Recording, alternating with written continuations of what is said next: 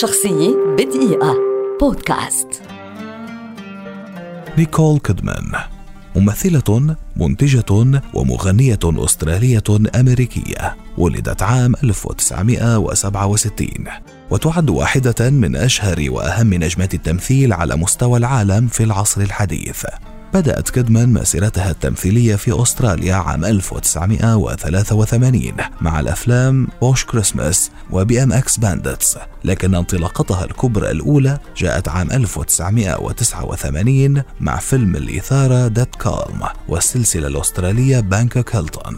ظهرت للمرة الأولى في هوليوود عام 1990 في فيلم Days of Thunder مع توم كروز وواصلت تحقيق نجاح واسع من خلال أدوار رئيسية في Far and Away و Batman Forever و Eyes Wide Shut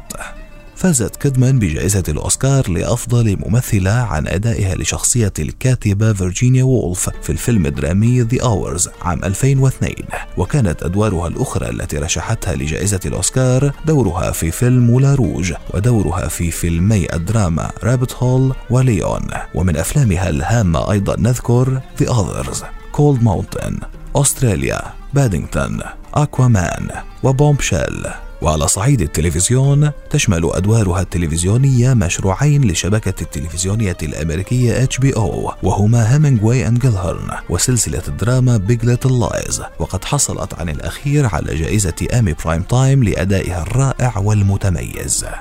كانت كيدمان سفيرا للنوايا الحسنة لدى اليونسف منذ عام 1994 ولصندوق الأمم المتحدة الإنمائي للمرأة منذ عام 2006 حصلت في العام نفسه على وسام أستراليا وأسست في عام 2010 شركة إنتاج باسم Blossom للأفلام وقد فازت خلال مسيرتها حتى الآن بالعديد من الجوائز بما في ذلك جائزة الأوسكار وجائزتي إيمي Primetime وخمس جوائز Golden Globe وجائزة نقابة ممثلي الشاشة. كما كانت مدرجة في قائمة أفضل الممثلات في العالم في أعوام 2006 2018 و2019 وصنفتها مجلة تايم مرتين على أنها واحدة من أكثر 100 شخص مؤثر في العالم وذلك في عامي 2004 و2018